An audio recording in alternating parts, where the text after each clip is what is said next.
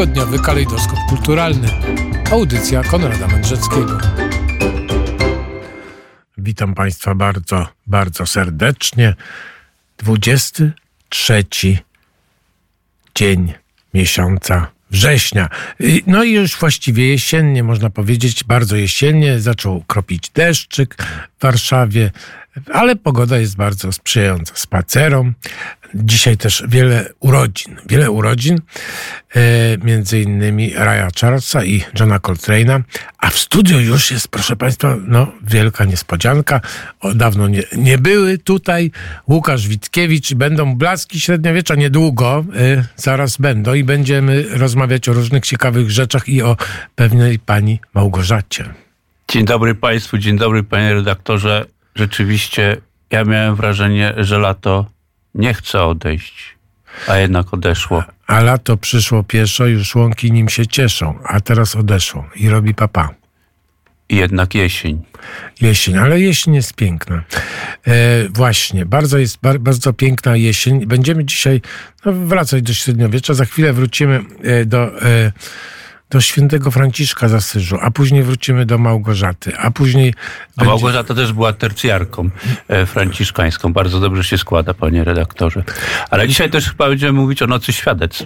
Tak, wspomnimy, bo dzisiaj jest Noc Świadectw na Puławskiej w kościele, to jeszcze będziemy przypominać o tym.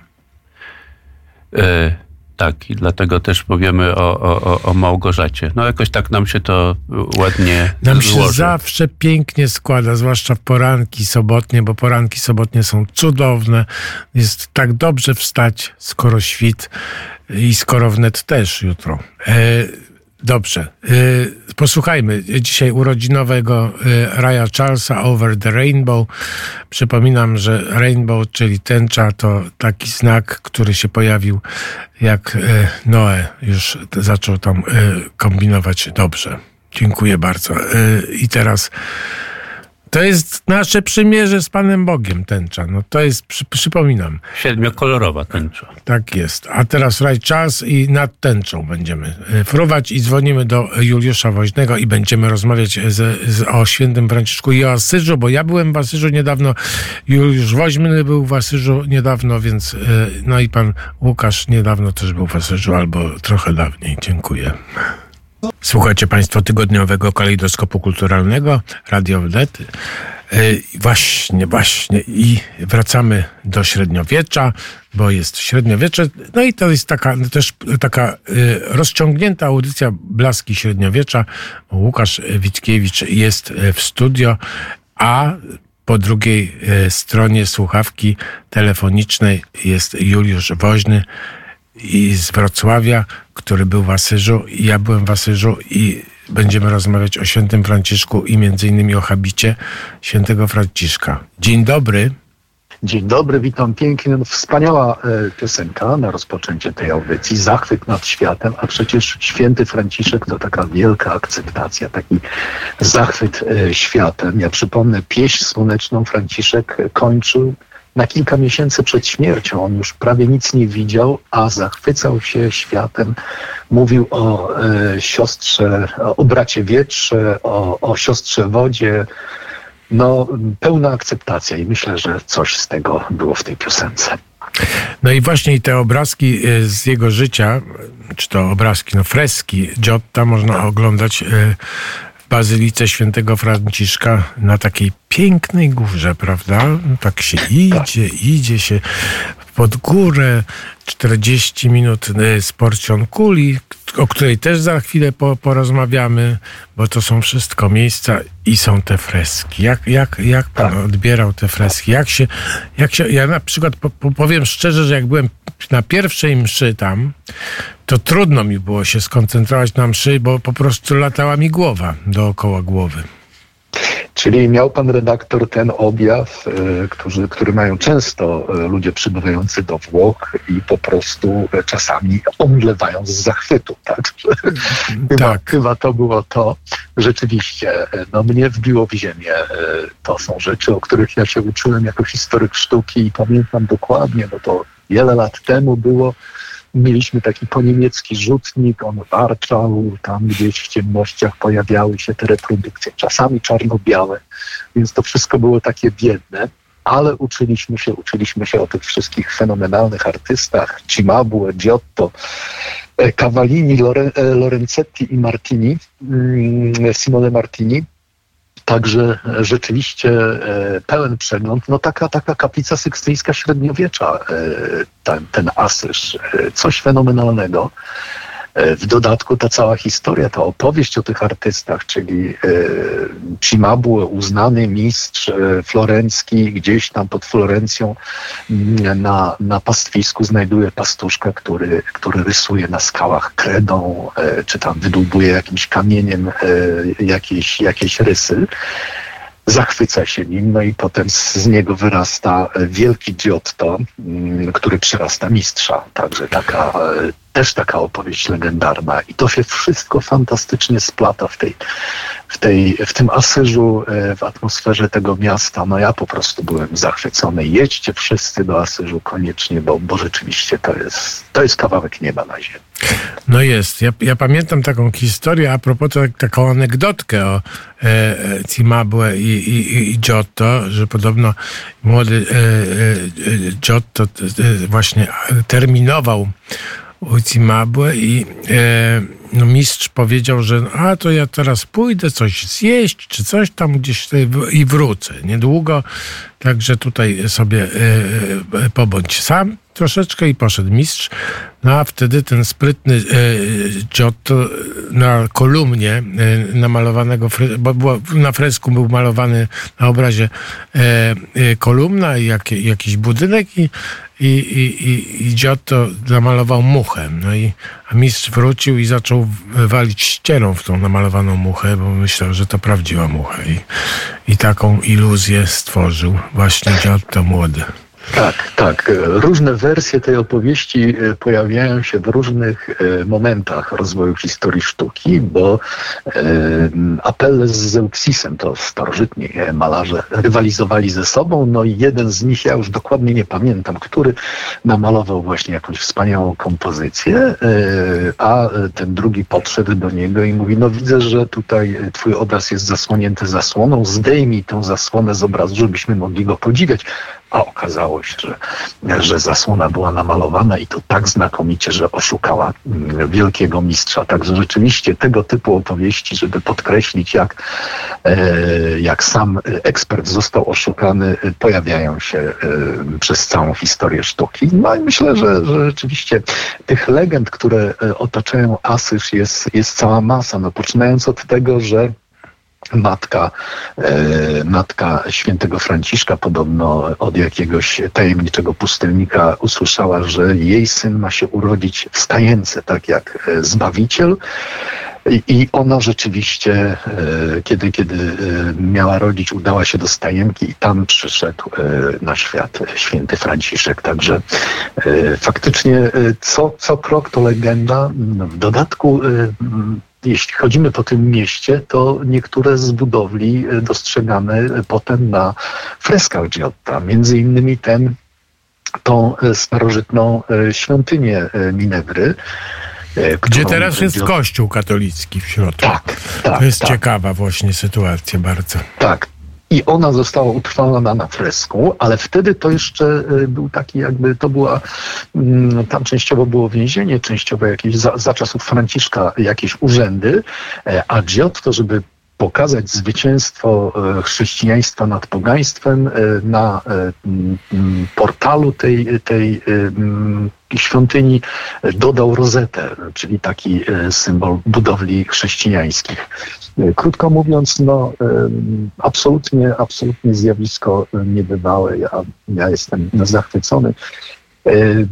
Na ścianach Bazyliki Świętego Franciszka możemy podziwiać potężny kawał historii sztuki. Tam się przemienia ten styl, który nazywano greckim, bizantyńskim. Ten sposób malowania, taki e, bardziej tradycyjny, przełamuje się w stronę renesansu, bo Giotto już zaczyna inaczej posługiwać się przestrzenią, inaczej mm, traktuje bryłę, e, pojawia się jakaś taka głębia, do, dość płytka jeszcze u niego. On eksperymentuje też e, z przestrzenią, z perspektywą. Jeszcze nie ma tej, tej, tego kunsztu, który ma Tomaso Mazaccio, potem on już tak naukowo perspektywę opracowuje, ale widać, że on poszukuje, że to są jakieś takie, e, takie kroki e, w tym, w tym kierunku.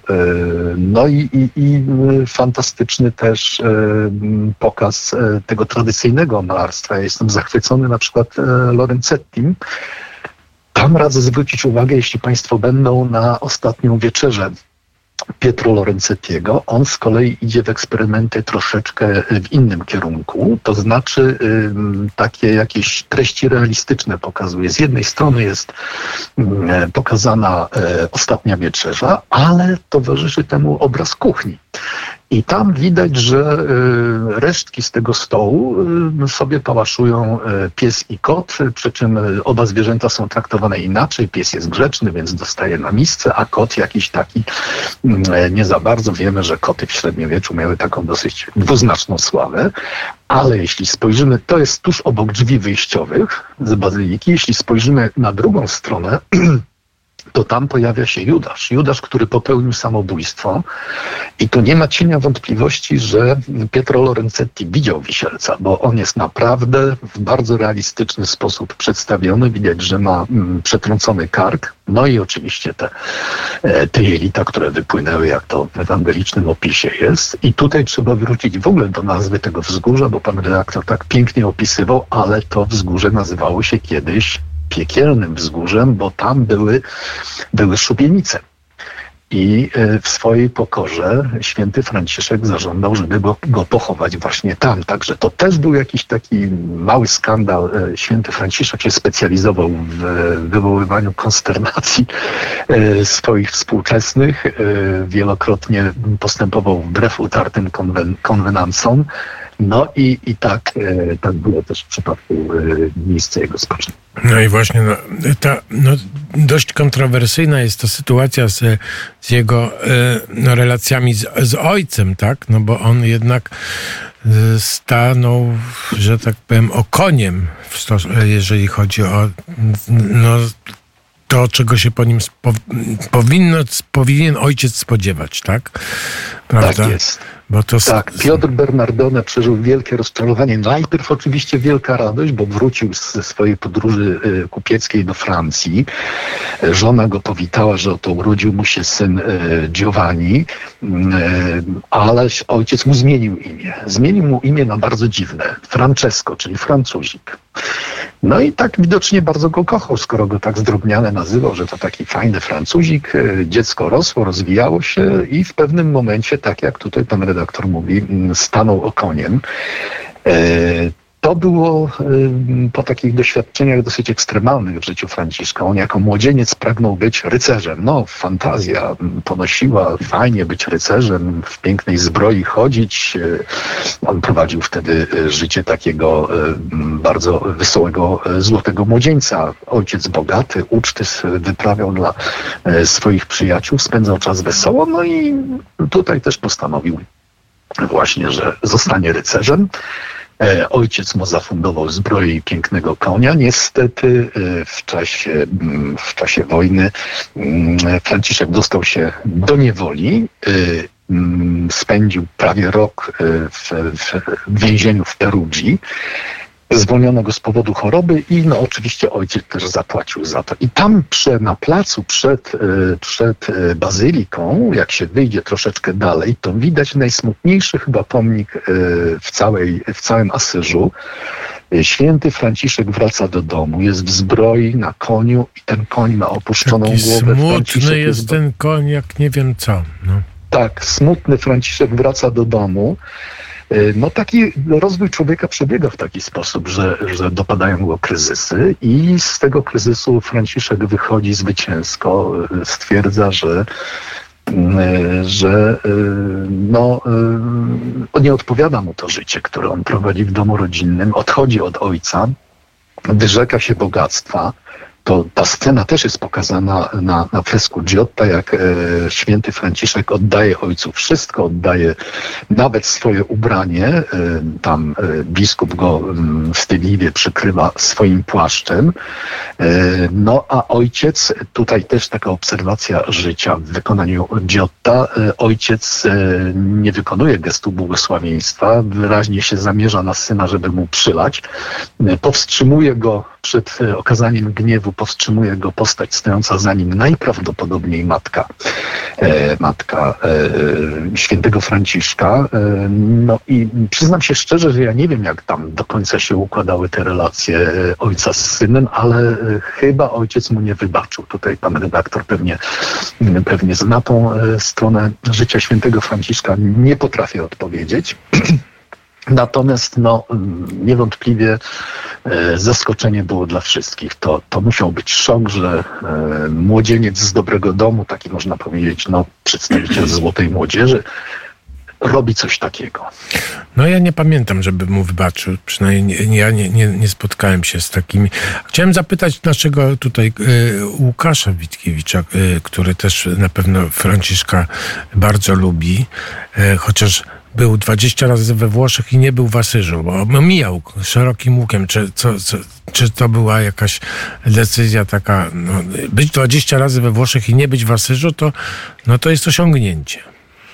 Panie redaktorze, proszę mi tutaj nie punktować. Tak się złożyło. nie byłem w Asyżu.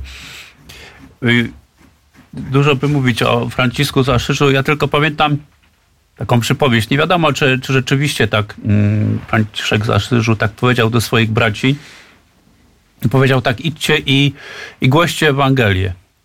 Posyłam was. Jeżeli już naprawdę będziecie musieli w ostateczności używajcie słów. Używajcie słowa. A tak idźcie i po prostu głoście. Głoście swoim życiem, głoście swoim świadectwem. W ostateczności mówcie. Ostateczności przemawiajcie. Tak, u, u, świętego Franciszka bardzo wiele było takich e, symbolicznych gestów. Ja myślę właśnie, że to, mm, to rozebranie się na, na głównym placu e, Asyżu e, miało takie znaczenie, że on rodzi się do nowego życia. Zresztą on powiedział wtedy ojcu no, słowa, które musiały zaboleć seniora rodu, że od tego czasu ty już nie jesteś moim ojcem, moim ojcem jest Bóg i dlatego ja mogę mówić Ojcze Nasz w modlitwie. E, Franciszek przemawiał jednak nie tylko gestami. Właśnie ta, ta słoneczna pieśń jest dla mnie czymś niesamowitym, bo to jest pierwszy zabytek e, włoskiej e, zapisany we włoskim języku. Wcześniej, wcześniej pisano mm, po łacinie, a tutaj Franciszek postanowił się zwrócić do mieszkańców y, najbliższych y, okolic i, i przemówił po włosku. Także tutaj też jest przełom. No, czego ten facet się nie dotknął, to robił rewolucję. Niesamowity człowiek. No rzeczywiście, ale był taki moment y, w jego życiu, no też no, no heroiczny, wręcz szalony, kiedy wybrał się, żeby nawracać sułtana. To mu do końca nie wyszło, ale ale wiele też skórał, tak? To, to, to, tym swoim szalonym gestem jednak, jednak zdziałał cokolwiek.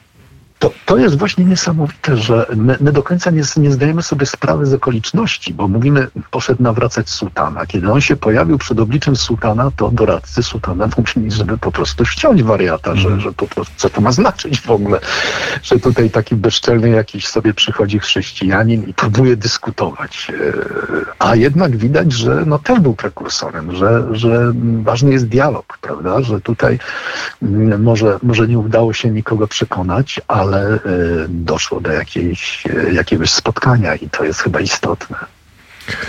No właśnie, a ja chciałem też jeszcze opowiedzieć, bo nie wiem, czy, czy panowie e, e, byli w Porcjonkuli. E, to jest taki kościółek malutki, nad którym wybudowano wielki kościół. To znaczy w środku małego kościoła Porcjonkuli, e, ukochanego kościoła świętego Franciszka, e, średniowiecznego. Wybudowano wielką bazylikę nad tym małym kościołem, więc wchodzi się do jednego kościoła, a w środku jest drugi malutki kościół średniowieczny, cudowny, gdzie e, właśnie powrócił święty Franciszek przed śmiercią, bo to było miejsce, w którym, e, no, do, które kochał bardzo. I w tym właśnie w Porciunkuli on wręczył habit między innymi świętej Klarze. No, to, notabene ten wizerunek świętej Klary z górnego kościoła z kolei tam właśnie, no to jest tak nieprawdopodobnie piękny. E, pan, pan pamięta, panie Juliuszu, to, ten wizerunek Tak. świętej, bo to jest coś nieprawdopodobnego, jak to wygląda.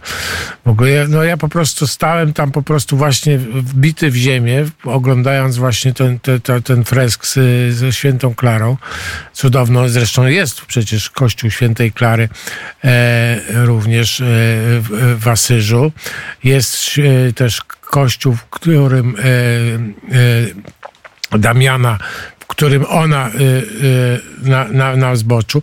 No ale wracając do, do, do, tego, do tej Porciunkuli. Porciunkula to jest e, e, taka miejscowość Santa Maria degli Angeli, e, czyli Matka Boska od Aniołów i z tego kościoła się idzie do Asyżu. E, Czy pan, panie Juliuszu, miał taką, e, e, że tak powiem, przyjemność, żeby tak kroczyć tą drogą? Niestety nie. Tylko spoglądałem tęsknie w stronę Porciunkuli, bo program naszej e, pielgrzymki był tak napięty, że nie zdołaliśmy.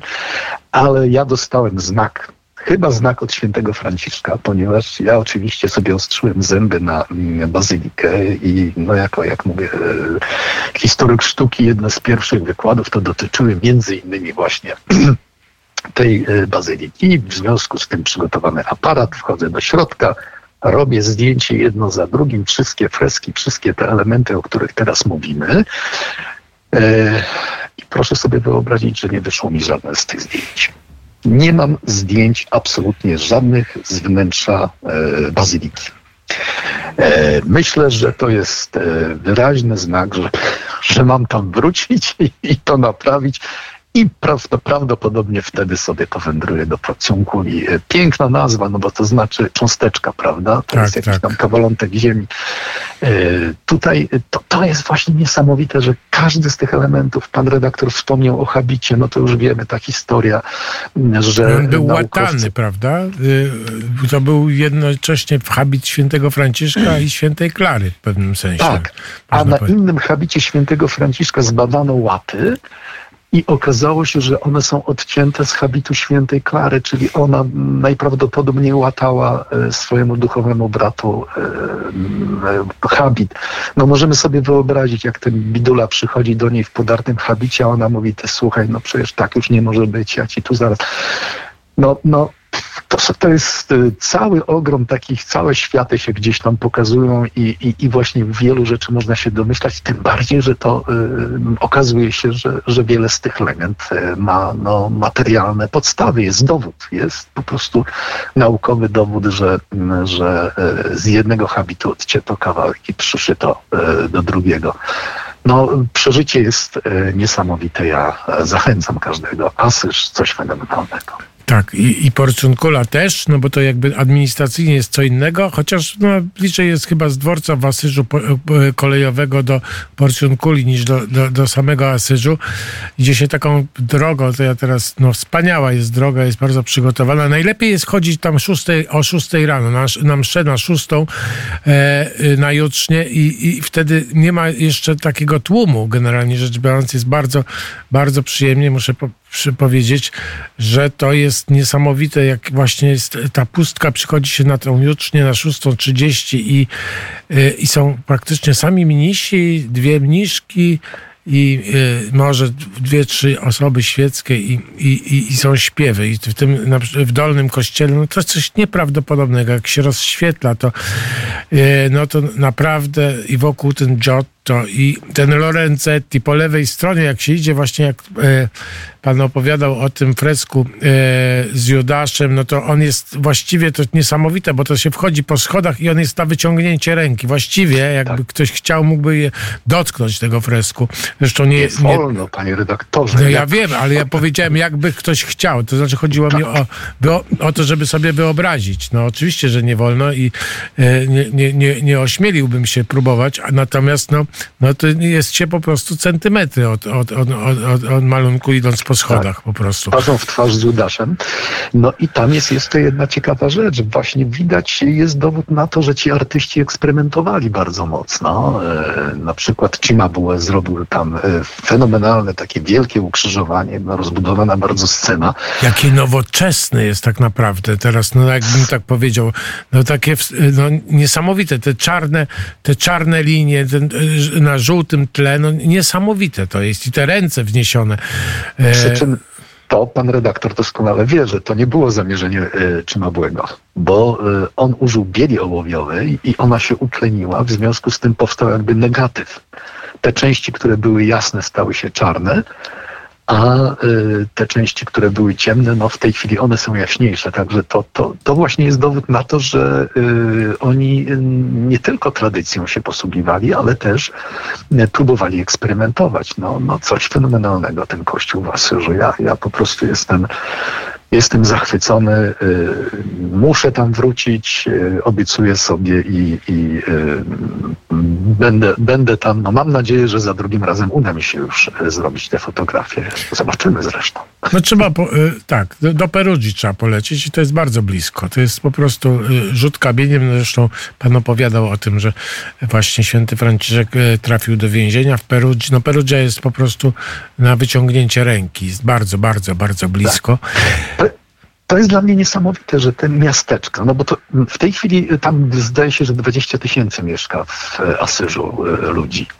No to ile, ile miał ten Asyż w średniowieczu? 3 tysiące, 5 tysięcy? To jakie były te armie, które te, te miasta przeciwko sobie wystawiały? Nie wiem, 100, 200? To po prostu jest niesamowite. Średniowiecze jest, jest e, absolutnie niesamowitą epoką. No, y, y, tak, tak. Panie Juliuszu, zrobimy tak. Zrobimy teraz taką przerwę, ale niech pan nie, nie odkłada słuchawki, bo będziemy rozmawiać o pewnej, pewnej grzesznicy, która została świętą. I, i będziemy. I, I spoczywa jakieś 70 kilometrów od Asyżu. To też jeszcze. O, to już jest to Toskania, ale to już tak właściwie graniczy z Umbrią. To teraz Dobrze. pan Łukasz za, zapowie muzykę, a propos bardzo, i będziemy rozmawiać o y, y, Małgorzacie. E, Saltarello Uno. Taniec włoski z XIV wieku, e, wykonany przez Anima Mundi Consort. Słuchacie Państwo tygodniowego kalejdoskopu kulturalnego. To jest taka przedłużona wersja blasków średniowiecza.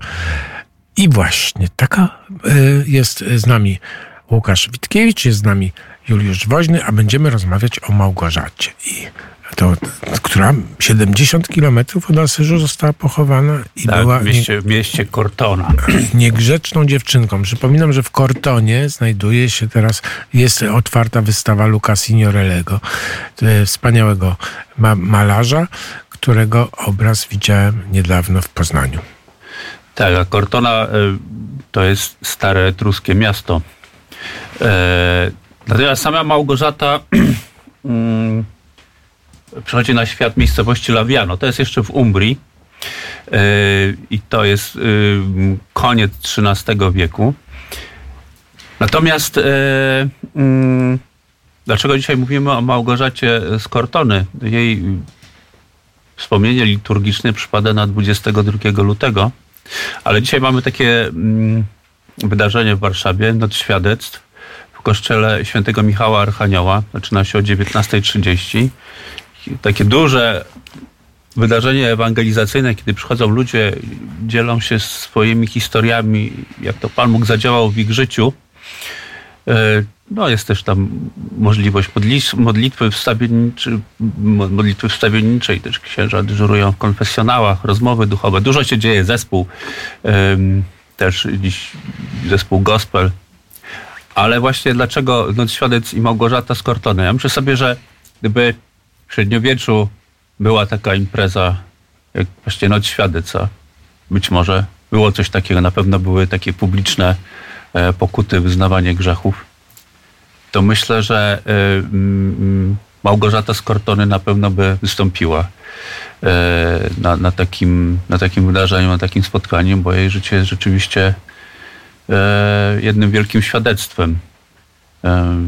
Takie życie jakby przełamane na pół.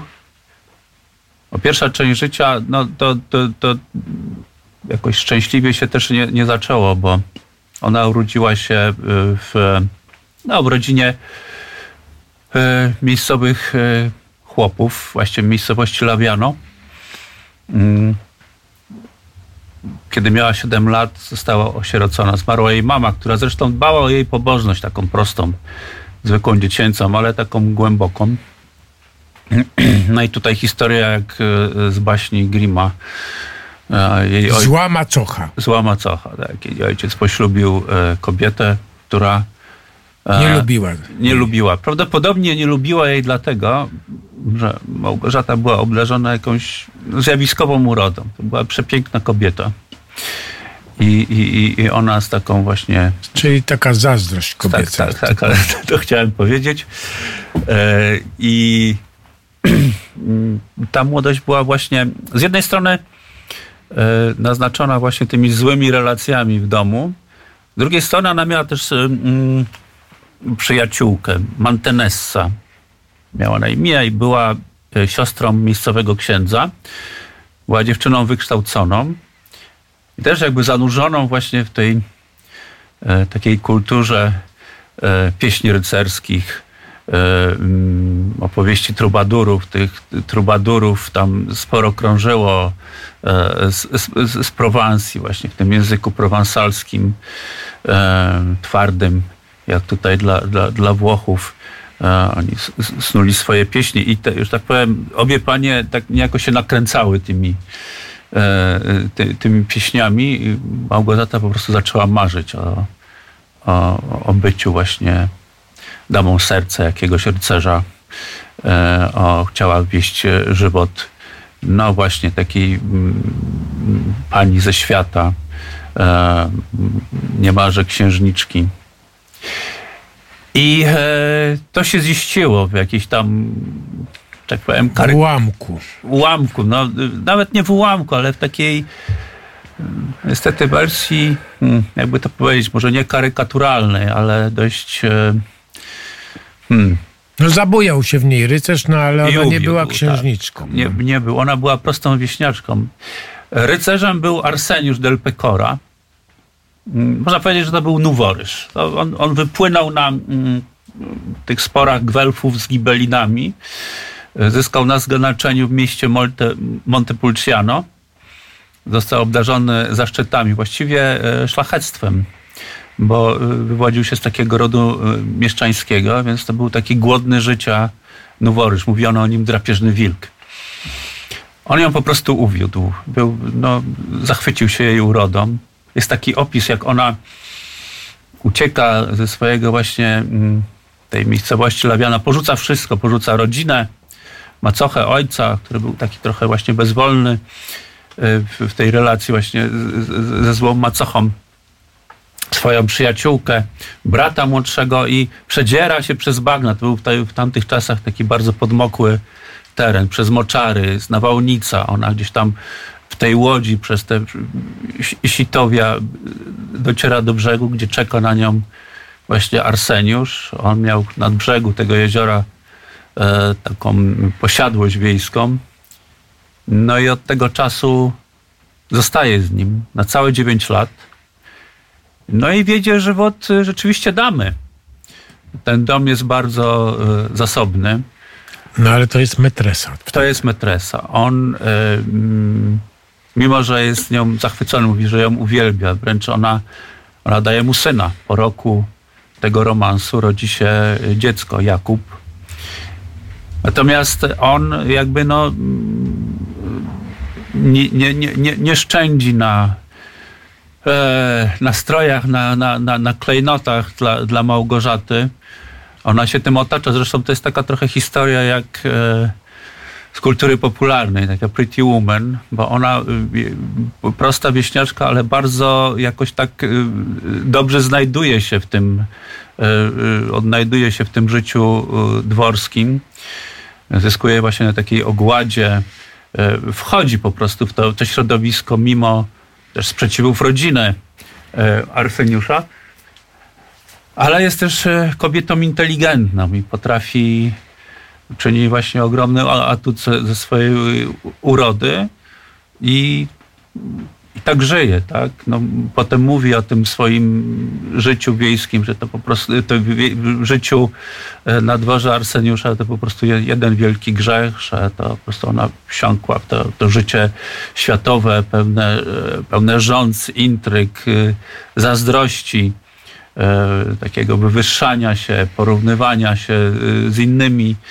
No, ona przecież zna też to, to życie nędzne, Y, wiejskie. Arseniusz uczy ją jeździć konno, ona z góry tego wierzchowca patrzy na, na, na, na, na, na nędzę tego świata, ale y, też y, są takie właśnie mm, przekazy, że no budzi się, budzą się jakieś takie mm, wyrzuty sumienia. Ona też potrafi w tym, w tym całym swoim splendorze stać ją na gesty, tak? Wobec właśnie biednych, wobec e, potrzebujących.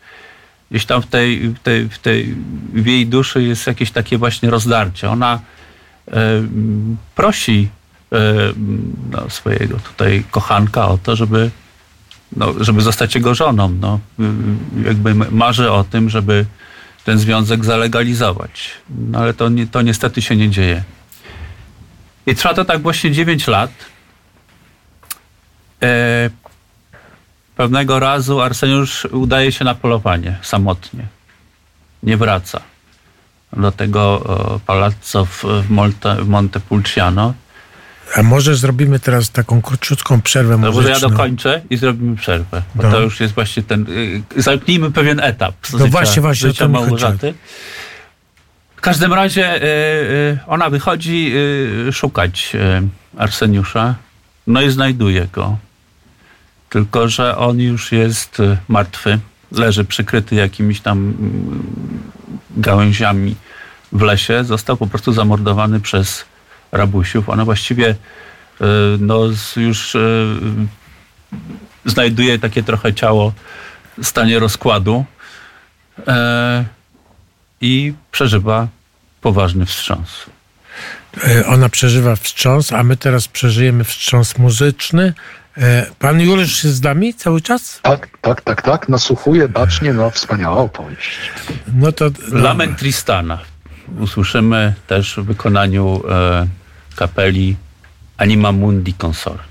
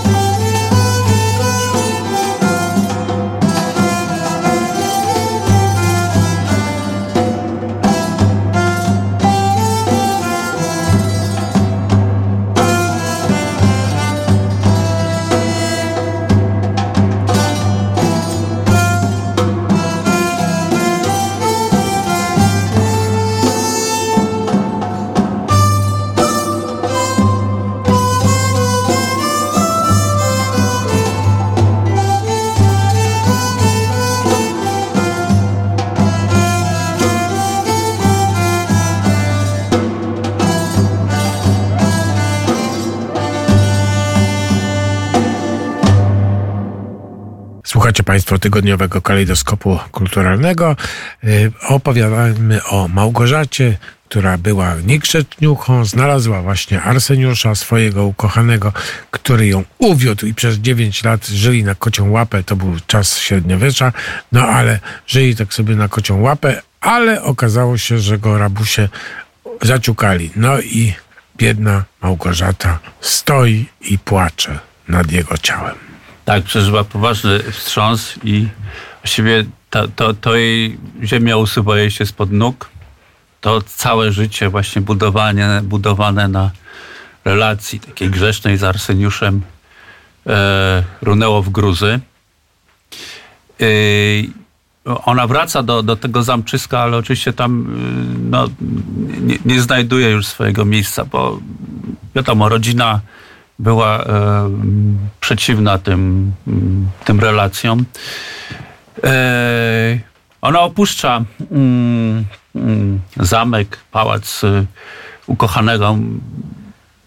Jedne relacje właśnie mówią o tym, że ona właśnie zwraca te całe bogactwa, biżuterię. E, gdzieś tam mm, w innych przekazach jest, że ona jednak coś zachowała, bo potem to e, zrobiła z tego dobry użytek. Natomiast e, pierwsza myśl, e, co zrobić? No wróci do domu ojca. E, spróbuje jak skruszony syn marnotrawny hmm, z Ewangelii. Natomiast oczywiście wraca do Lawiano i ojciec jak ojciec jeszcze by ją przyjął z synem już wtedy dziewięcioletnim, ale czy wtedy ośmioletnim, ale e, sprzeciwia się macocha. Po prostu wygania ją. Ona zostaje zrozpaczona, zostaje z dzieckiem no, i, i, i właściwie nie ma nic. I rusza do, e, do miasta Cortona. To jest też właśnie z, od Slawiano, to jest tam też kilkadziesiąt kilometrów, e, taka odległość. E, e, to jest już jeszcze, to jest już miasto w Toskanii. I pierwsze kroki, które kieruje, to kieruje właśnie do braci mniejszych. Kapucynów, kapucynów. Hmm, Franciszkanów. Tak. Franciszkanów, panie redaktorze. Franciszka, kapucyni to tylko to Franciszkanie. Tak, ale ona do, wtedy do, do, do Franciszkanów. Dobrze. Puka do furty, e, otwiera jej e, furtian i właśnie ona mówi, że tutaj szuka pomocy, że ona e, chce pokutować, chce zmienić swoje życie. A on e, patrzy na nią i mówi: No nie, ty jesteś za piękna ty, ty, ja, ja spuszczam wzrok, nie mogę na ciebie patrzeć, ty będziesz tutaj e, źródłem pokusy. Nie, nie możemy cię przyjąć. E, I ona idzie właśnie ze spuszczoną głową. Z, z, dramatyczna sytuacja. Dramatyczna sytuacja. To już jest moment absolutnie dramatyczny. Idzie z synem, trzyma go za rękę, spaceruje po tych stromych, takich wąskich uliczkach e, Kortony ale spotyka dwie niewiasty zacne. E, Marinarę Moskari, jej synową ran, Rannerię. E, one ją przyjmują do siebie, do domu, dają jej kąt, dają jej stanąć na nogi, dają jej pracę. I tu się zaczyna taki moment, że ona rzeczywiście zaczyna zmieniać swoje życie. Ten, ten wstrząs e, właśnie związany ze, ze śmiercią Arseniusza, to właściwie dość szybko to wszystko e, no, obrało, że tak powiem, obrót e, przeciwny wektor, tak? E, życie zmienia się o 180 stopni. Wiele by można mówić o Małgorzacie, ale to była taka dusza gorąca, tak jak z apokalipsy, tak? Czyli na pewno nie była zimna, na pewno nie była obojętna. To była taka dusza skrajności, tak? Kiedy rzeczywiście rzuciła się w ramiona Arseniusza, zrobiła to e, całą sobą. Weszła w tamto życie pełne namiętności i rząd. Natomiast kiedy postanowiła zmienić e, swoje życie, zrobiła to też bardzo radykalnie. Więc ona zaczyna pokutować, zaczyna pościć, zaczyna się umartwiać.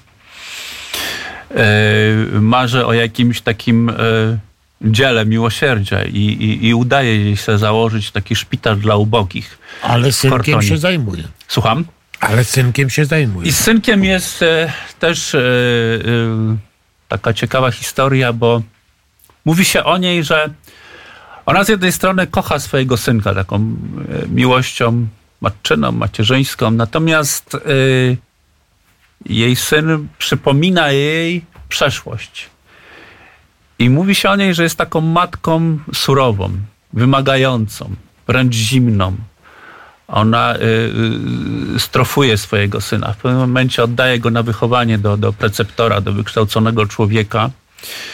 Y, w pewnym momencie złe języki y, y, puszczają taką plotkę, że, że syn z tęsknoty popełnia samobójstwo. Jest to tylko plotka. Syn żyje. Y, Według też y, tam niektórych y, przekazów wiadomo, że on został potem zakonnikiem, ale ona właściwie cały czas przysyła mu listy, strofuje go, wychowuje w taki właśnie taki zimny wychów i, i to jest takie mm, no taki taka właśnie e, e, ziarnko goryczy w tej Dobra, tej, do, do puenty przejdziemy po dziewiątej, bo y, teraz już muszą być reklamy, a później wiadomości i po dziewiątej y, będziemy puentować.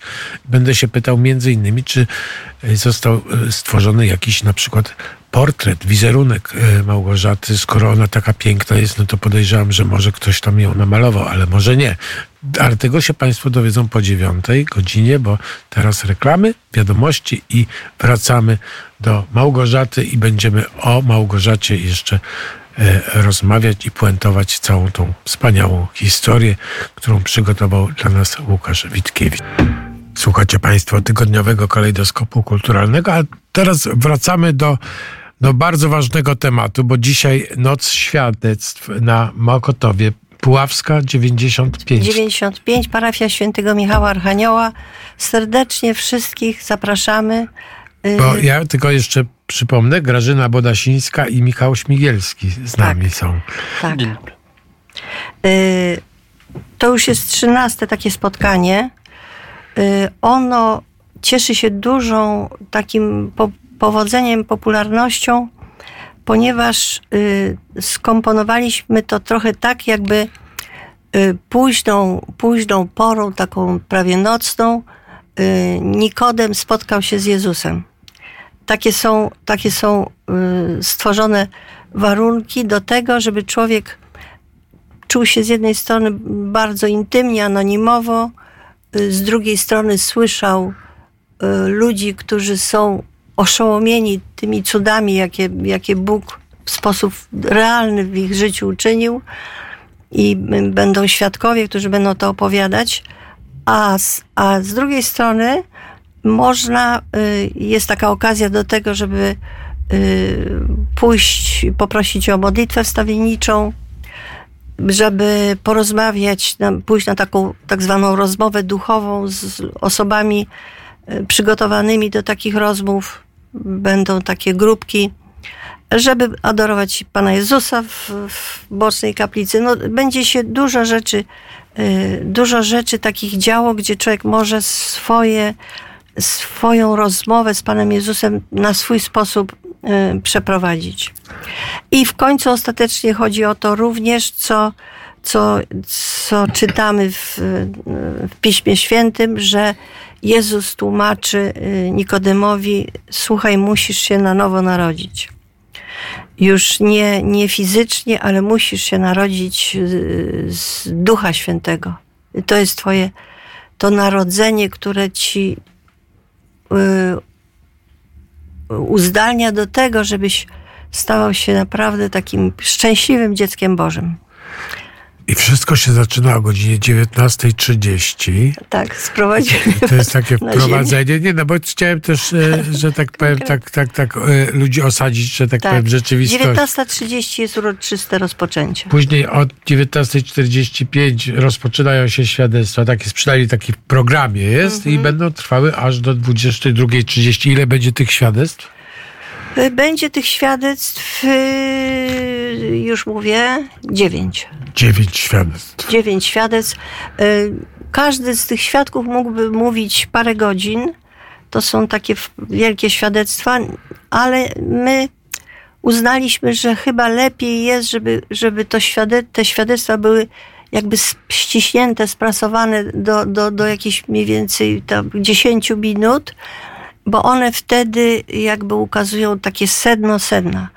y, całej Esencję. Esencję tego, tego wszystkiego, co człowiek przeżywał.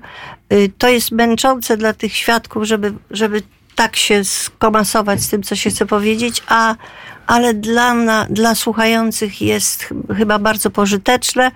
Poza tym, dzięki temu, że te świadectwa są nie takie długie, możemy się pozachwycać, potem modlić się, uwielbiać Pana Boga, trochę śpiewając, trochę modląc się, tam krzątając się wokół siebie w tych miejscach, o których powiedziałam.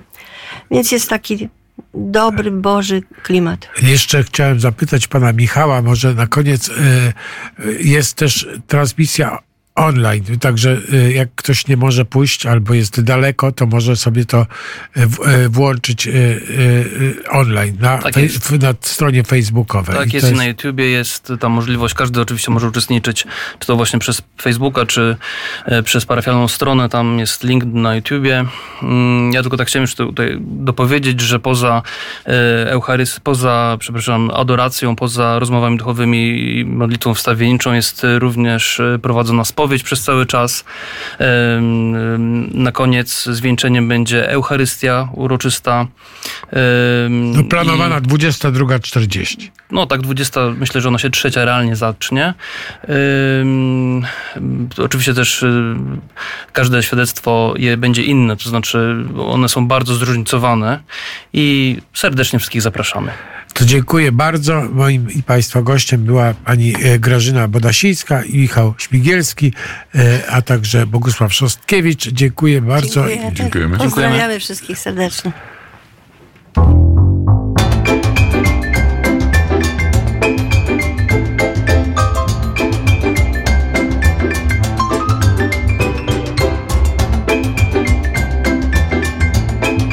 Tygodniowy kalejdoskop kulturalny. Audycja Konrada Mędrzeckiego.